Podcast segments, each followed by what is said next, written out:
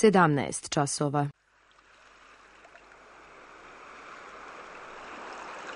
Radio Televizija Srbije. Radio Beograd 2.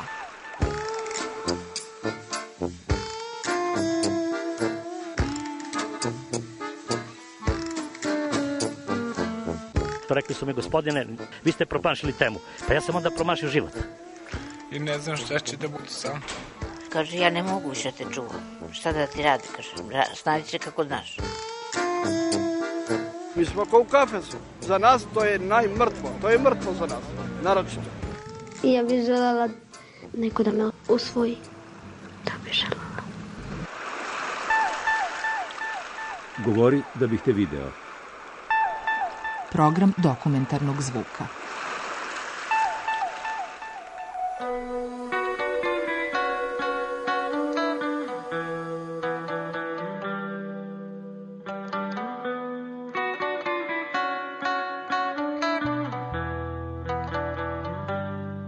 2016. godine Goran Nikolić istrčao je 55 maratona za uzastopnih 55 dana, time oborivši Guinnessov rekord. Goran je slabovid, ali ga njegova urođena mana ne sprečava da, osmišljavajući alternative, uvek ostvari ono što je pred sebe postavio kao cilj. Slušate reportažu Maratonac.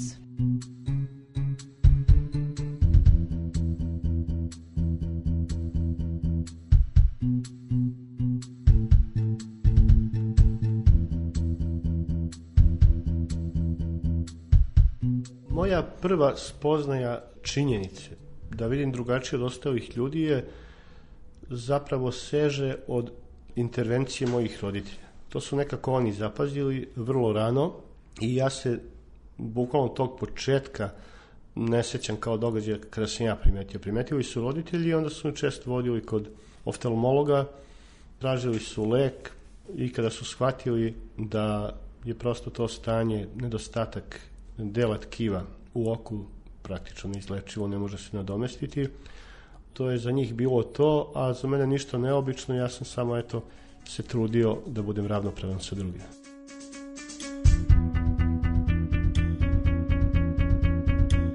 Na levom oku ja imam samo blag osjećaj svetlosti i osjećaj prelamanja svetlosti od kontura koje se nađe u vidnom polju, dok na desnom oku vidim samo 5%, moje vidno polje na desnom oku je suženo tako da vidim kao kroz prizmu.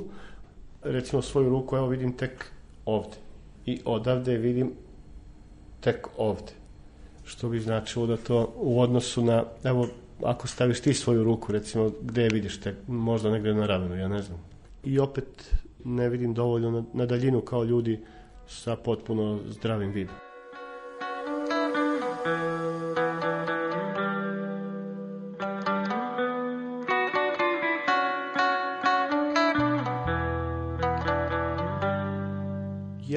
Nisam nikada imao žal za nečim što ne mogu da uradim. U smislu da mi je bilo žao što ne mogu da vozim auto, što ne mogu da budem vojnik, definitivno oružje i ne volim, ali je jedini žal iz detinjstva ostao, naravno prošao je sada, ali u tom momentu baš bio žal za stripovima ispod klupe.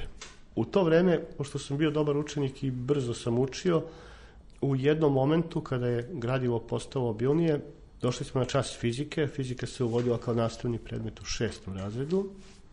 I nastavnik je na velikom odmoru ispisao 20 pitanja kada smo ušli iz seli i rekao je, deco, imamo obilnu materiju, imate 20 pitanja, nemojte prepisivati pitanja, nego samo pišite broj pod kojim odgovarate i odgovorite. Ja sam sedeo u prvoj klupi, moj drugi bio Slaviša i ja sam ga onda, pošto nisam video ni trag krede, bilo je sveže obrisana tabla, pitao Sale šta piše pod brojem 1. I on mi je odgovorio, ali to je čuo nastavnik da šapućemo i onda je rekao tišina. Ja sam odgovorio na prvo pitanje, kada sam pomislio da nastavnik nije blizu, pitao sam ga šta je pod brojem 2, on je ponovo čuo i strožije upozorio da će izbacivati sa časa. Sklopio sam svesku, odgovorio na dva pitanja i dobio dva minus. I to je počeo prvi problem. Onda je se slično ponovilo na času srpskog jezika, tada srpsko-hrvatskog, i to je već bio signal da više ne mogu da postignem ni, ni to što popamtim na času, ni ono što kasnije kod kuće pročitam, nije dovoljno već da postoje situacije u kojima ja ne mogu da se snađem i onda sam se setio da je lekar mojoj majci još u trećem razredu savjetovao da treba da odem u specijalnu školu za učenike oštećenog vida. Onda sam sam predložio majci da posegnemo za tim rešenjem.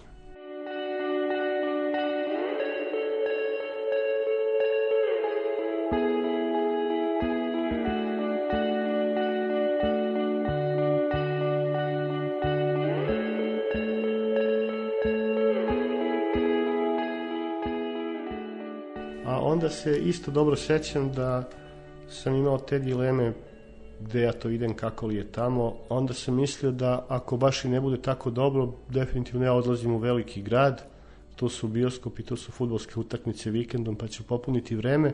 Međutim, sve te moje predrasude su pale već na prvom odmoru, kada, sam, kada je sa mnom u komunikaciju stupio moj drug Zoran Micić, koji je možda imao i, na, i najveći problem sa vidom, jer imao i veliki tumor na oku koji nije bilo moguće ni odstraniti. On me je pitao, znate, kad dođete u novo društvo pa vas onda testiraju? I pitao me je za koga navijam, da li pratim futbal? I meni je bilo fascinantno šta sada njemu znači futbal. Njemu je značilo futbal u, u tom smislu ne kao nama da ga igra, već da navija, da ima svoj tim da bude deo navijača, da prati rezultate i on je zaista znao sve rezultate, ne samo utakmica koje je svesno pratio kao dete, već i onih iz istorije koje je nalazio negde ovaj, po novinama ili slušao na radiju sigurno, pošto nije video. I onda me pitao da li bi Partizan u prvenstvu pre dve godine, ja mislim 78. nemojte mi verovati, ali tu negde, da je dobio utakmicu u poslednjem kolu, da li bi bio šampion. I onda, pošto sam dobro pratio futbol, vratim film i kažem, znaš šta, da je Partizan tu utakmicu izgubio i ispao bi iz lige. Ne znam o čemu pričaš. I onda je on skočio euforično, rekao, bravo, e pa ovaj prati sve i sve zna. I mi smo tu u momentu počeli da se družimo. Ja sam shvatio koliko zna on, on koliko ja. I onda smo kasnije ovaj, imali tako neke simpatične situacije pošto su slepi dečaci želeli da budu deo atmosfere na stadionu, naravno voleo sam to i ja, i onda sam jednom od, odveo svoje drugove na utakmicu da doživimo tu atmosferu. Ja sam tada otišao prvi put na stadion, sednemo na sever i sada oni slušaju radio prenos na tranzistorima i uživaju u atmosferi. Ja gledam utakmicu i sada ja ne vidim kad padne gol. Svaka reakcija publike nije gol, čuje se huk i sada oni izađu i oni znaju rezultat jer su slušali, ja izađem sa svojim vidom i, i ne znam. A u stvari ja njih dovedem, jedan se zakači meni na rame, drugi njemu i tako kao vozić smo išli iz Zemuna do stadiona Zvezde.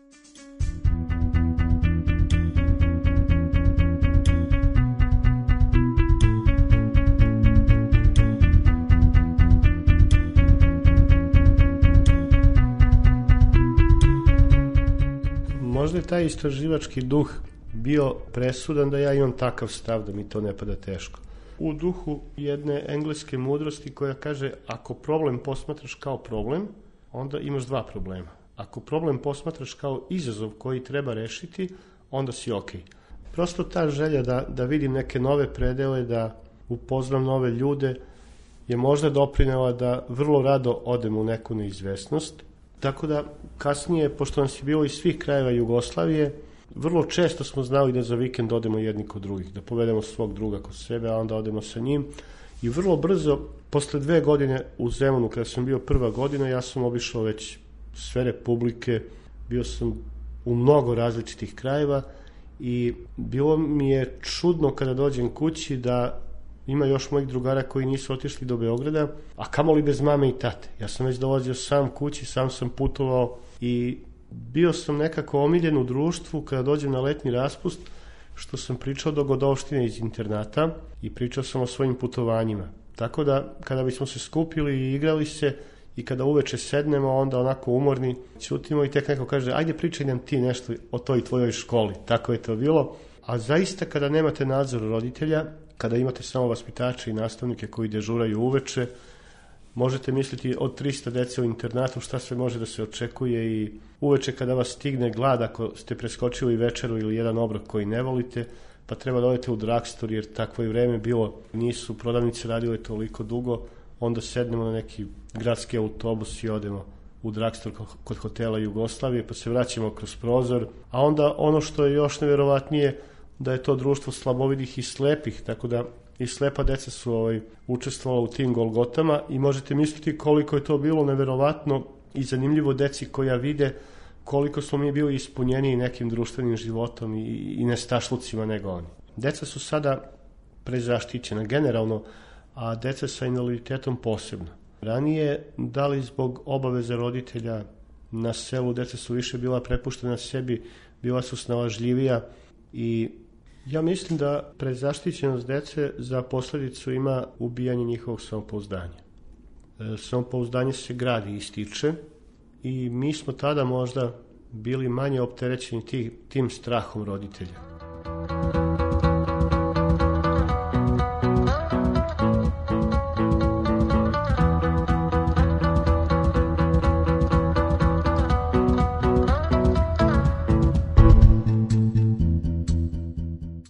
Dobrica Ćosić je svojevremeno rekao da voda i ljudi uvek nađu izlaz, pošto zbog te fizičke barijere koju imam, često sam morao da istražujem neke nove alternative koje bi mi omogućile da budem ravnopravan najpre sa svojim drugarima u radnom detinjstvu, a potom i sa ljudima koje sam sretao kroz život s kolegama, jer posao je surov, on ne trpi e, ljude koji su van stroja, dakle ako želite biti ravnopravni onda morate tražiti alternative jednom prilikom se i moja majka začudila kada je došla po mene u školu u Zemun. Bio sam sedmi razred i otišli smo na autobusku stanicu da putujemo za Aranđelovac. I majka je gledala natpis iznad šaltera, tada nisu, se nisu kupovale karte na svim šalterima za sve pravce, gde piše Aranđelovac. I onda sam ja rekao, eno tamo. Pa se ona začudila kako sam ja video odatle, ona nije. Međutim, ja sam video samo redove. Onda sam zaključio da, pošto ide po azbuci ili abecedi, Aranđelovac svakako mora biti među prvima, a onda tu su Aleksinac, Aleksandrovac, Aranđelovac, sve to dugačka, onda po abecedi složite i to su te alternative koje ljudi koji vide apsolutno ne primenjuju i ne koriste, oni čitaju. Prosto postoje ljudi koji od problema beže i postoje ljudi koji prema njima idu otvorenih očiju i posmatruju ih kao izazov koji treba rešiti. Jedan od takvih izazova je bila i situacija u jednoj mojoj emotivnoj vezi. To je bila prva ljubav i tada nisam ni slutio da će ona proći kroz još mnogo izazova, brodoloma i Golgota. Prosto živimo na području Balkana na kojem vladaju velike predrasude, kulturološke razlike i različita pravila. Tako da devojčica u koju sam se zaljubio već u sedmom razredu je bila Albanka, moji roditelji su Srbi i obostrano je postojao animozitet prema takvoj vezi iz straha prema reakciji okruženja.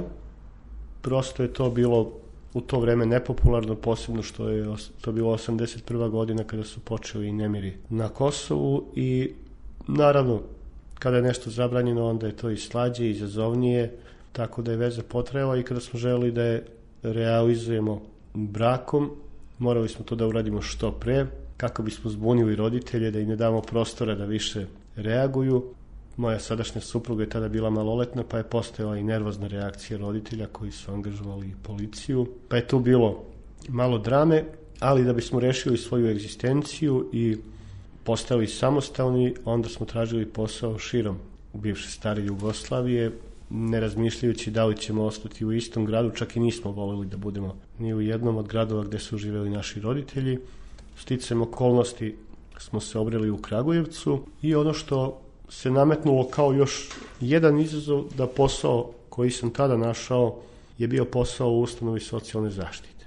E, nije mi bilo prijatno kao mladiću, tek formiranom mladiću sa oštećenjem vida da eto pored svog problema posmatram i druge mnogo veće, ali mi je to bilo jedno veliko iskustvo u smislu da shvatim da je mentalno zdravlje najbitnije. Tako da sam vrlo mlad počeo da radim sa tek napunjenih 18 godina. Nisam se nadao da ćemo u Kragujevcu ostati dugo. Mislio sam da je to samo prolazna stanica, ali ekonomska situacija u zemlji je bila takva da je više sve teže bilo naći posao. Onda nam se rodio i sin Nenad. Postali smo mladi roditelji, tako da ja često u šali kažem sada da sam se bezobrazno mlado ženio.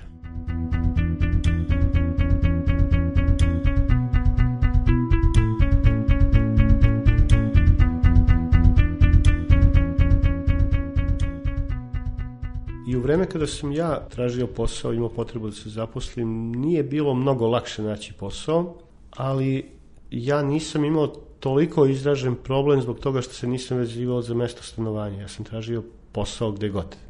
Dva zanimanja u kojima slepi i slabovidi ispoljavaju najveći stepen samostalnosti su poslovi u oblasti telekomunikacija i poslovi koji se odnose na fizioterapiju.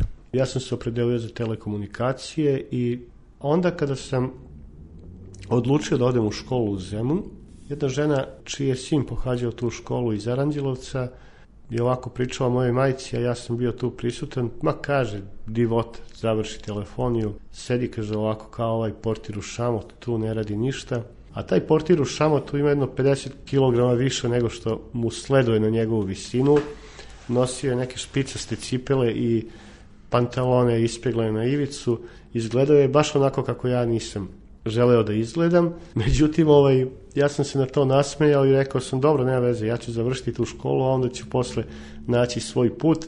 I zaista već kad sam krenuo u školu, ja sam sebe video i ako budem morao to da radim, svakako će popodne biti patike na noge, trenerku. I onda sam zaista jednog lepog martovskog dana, kada sam rešio egzistencijalna pitanja, obuo jedine patike koje sam imao, to su bile šangajke, i izašao na obližnje futbolsko igralište i što sam mu se više približavao, to sam sve više imao strah od toga kako će reagovati futbaleri koji se čuli na treningu da sad eto došao je neko da trči. Međutim, kada sam izašao, video sam da sportisti na sve to gledaju sasvim drugačije od drugih ljudi i da oni u stvari vas i ne primećuju. I meni je bilo lepo sa njima. Ja sam trčao svoje krugove oko igrališta, oni su obavljali svoj trening i stidljivo sam prvi put istrčao tri kruga, pa sam onda povećavao distance i vremenom sam počeo da osmišljam svoj trening.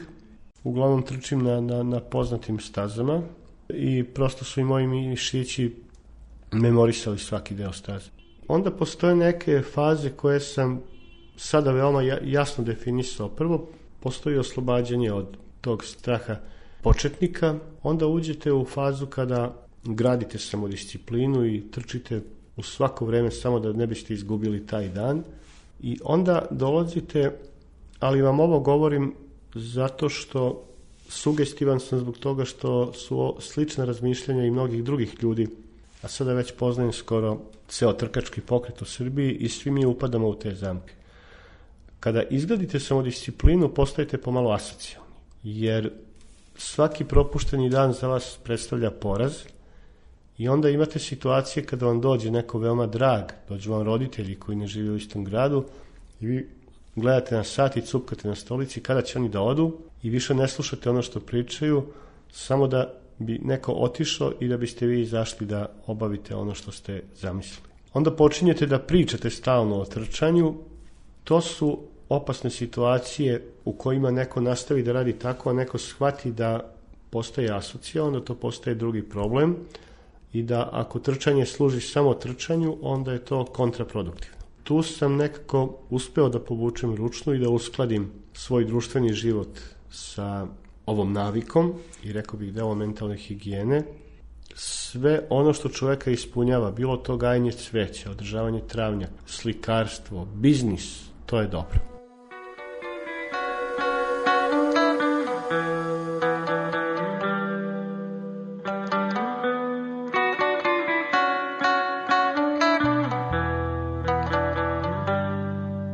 Populacija ljudi oštećenog vida se smatra najsportskijom populacijom među osobama sa invaliditetom, zato što je reč o telesno zdravim ljudima, koji dakle imaju potrebu da se kreću, ali imaju ograničenje, jer su senzorni invalidi, ljudi koji imaju senzorni problem, da ne mogu to zbog toga što ne vide. Znači, to je prosto jedna energija koja je zarobljena u čoveku, jer ne može da je da bude samostalan do te mere i proces starenja i oronjavanja. Nas e, sa oštećenjem vida ide ubrzanije nego kod ostalih ljudi i na jednom skupu mojih e, školskih drugova u Beogradu, to je bilo povodom 10 godina mature, onda smo se našli u jednom razgovoru o tome da eto mi pokušamo školski drugovi da promenimo nešto u sistemu bavljenja sportom, jer to što se događalo do tada bilo je u okviru nekih sekcija i mi smo doneli odluku da osnujemo jedan sportski klub i 98. godine smo tu ideju realizovali. Osnovali smo Golbol klub junior. Golbol je kolektivna igra zvučnom loptom na reljefno obeleženom terenu, ali nije improvizacija ni jedne već postojeće discipline paraolimpijske kao što su recimo sedeća odbojka ili košarka u kolicima. To je prosto jedinstvena igra. 98. godine smo osnovali junior, izradili smo specijalne golove i bili smo prvi zvanično osnovan sportski klub osoba sa invaliditetom, specijalizovan za jednu disciplinu na prostoru bivše Jugoslavije, a onda smo 2000. godine imali potrebu da izradimo prvi web sajt. Obratili smo se jednoj kompjuteraškoj firmi u Kragujevcu za donaciju jednog računara, međutim oni su prepoznali naš entuzijazam, rekli su da će nam učiniti više od toga i ustupiti prostor na serveru, što je tada bilo jako skupo jer je internet bio u povoju, ali ostalo je da se snađemo za računar i ja sam tada kao generalni sekretar kluba, jedan od osnivača, uradio 10 dopisa i uputio se u Beograd, pošto su tu bila predstavništva najvećih trgovina koje prodaju računare i otišao sam u nekoliko. Odgovori su bili hladni, prosledit ćemo mi to šefu, neko je i odbio da to uzme i rekao da oni to ne mogu.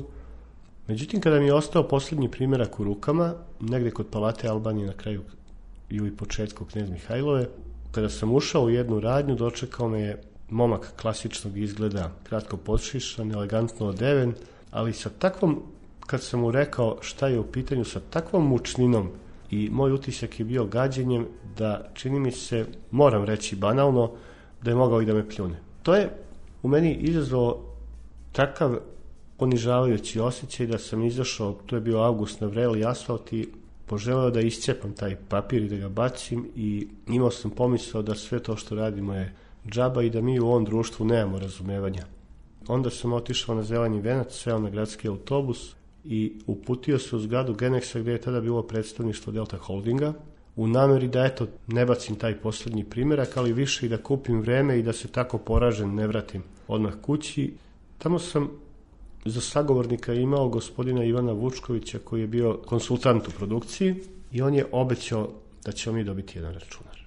To je krenula saradnja sa velikom kompanijom koja je trajala godinama i nakon 15 godina saradnje imao sam slobodu da se obratim našim predlogom da nam eto sagrade objekat tipa porodične kuće od 50 do 70 kvadrata kako bismo decu u inkluzivnom obrazovanju kojima nije dostupna nastava fizičkog vaspitanja, da im omogućimo da sa roditeljima, instruktorima, asistentima, nastavnicima u okviru van nastavnih aktivnosti na sebi pristupačan način mogu da se bave sportom da voze tandem bicikle, da trče sa asistentima i da se bave svim onim sportovima na sebi prilagođen način. Dobili smo odgovor da će nam sagraditi, ali ne 70, nego 170 kvadrata, a onda smo obavešteni da će oni ipak sagraditi pravu zadužbinu, pa su došli na ideju da prošire ciljnu grupu i da ako već rade nešto za slepe i slabovide, primene svetske standarde i da prostor, fizički prostor i svi sadržaji u objektu budu pristupačni osobama sa telesnim invaliditetom i da tu imamo i indukcijne petlje koje olakšavaju osobama oštećenog sluha koje se služe slušnim aparatima da i oni funkcionišu samostalno. Onda se zaigrao arhitekta i objekat je izašao na 700 kvadrata. Tako koncipiran centar ne postoji na Balkanu.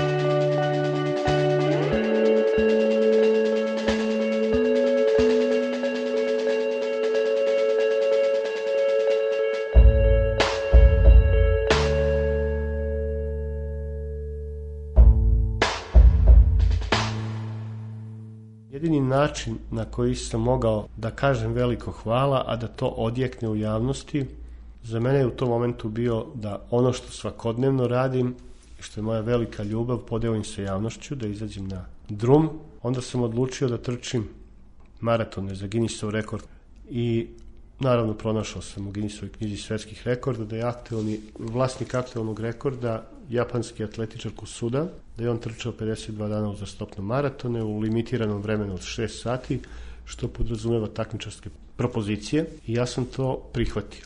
Prijavio poduhvat i značilo je da bilo kog dana, ako bih trčao i sekund preko 6 sati, moj poduhvat bi pao. Ja sam veoma lako nošen željom da se zahvalim i da, eto, predstavim sportske potencijale osoba oštećenog vida najširoj javnosti. Veoma lako trčao svakodnevno i svakog jutra sam ustajao sa radošću što me čeka još jedan dan. Trčao sam u proseku 4,5, 4,45, bilo je tu i vremena od 4 sata, bilo je i 5 sati najsporije, ali ja trčim tako da uživam u trčanju i da svak, svakog dana mogu da istrčim pun maraton. To je neki tempo koji meni odgovara i odavno nisam radio intervale ubrzanja i tempo, sve ono što rade takmičari. Prosto takav način trčanja kada čovjek uđe u takvu aerobnu formu, onda može da izdrži više dana u kontinuitetu. Trčao sam u pratnji policijskog vozila i našeg pratećeg vozila uz samu bankinu, tako da sam ovaj, sa tim malim procentom vida i suženim vidnim poljem se samo držao te linije na putu i naravno postoje rizik kod nekih neravnina, jer prosto ovo je zemlja Srbija, putevi nam nisu idealni. Vodio sam računa, pošto ne mogu na daljinu da uočim neravnine, predmete koji se nađe na putu, tipa šoder, kamenčići ili neke rupe, pukotine, onda sam morao da pazim jer to može da izazove neke mikropovrede i bolne tačke u mišićima. I ono što je bilo zanimljivo kada sam istračao 55. maraton, u Budvi je organizovana konferencija za novinare i novinari su me pitali kakav je to sada osjećaj, kakvi su bili problemi i onda sam se ja nasmejao i rekao kada sada pogledam iza sebe, imam onaj pogled Danilovića kada je zakucao preko Sabonisa. Govorim za ljude koji i ove prate košarku, kada je zakucao preko daleko više košarkaša i onda je pogledao u smislu šta ja ovo uradih. E ja sam imao takav pogled unazad za tih 55 dana, ali ne u smislu šta ja uradih, ja istričah, nego Bože šta je sve moglo da me snađe. Znate, ovaj, ali ta pretpostavka šta se može dogoditi, pa može se dogoditi. Kada bi čovek pošao od pretpostavke straha, onda ne bi bilo ni progresa u čovečanstvu. Onda bi, onda bi onaj koji je osmislio avion razmišljao o tome, pa on može da padne. Pa može. Može da padne i čovjek sa stolice. Ovaj. Mislim, prosto ne dozvoljavam da, da se u mene useo i strah i da razmišljam o stvarima koje mogu sprečiti, već o onim stvarima koje neki poduhod čine izvesno.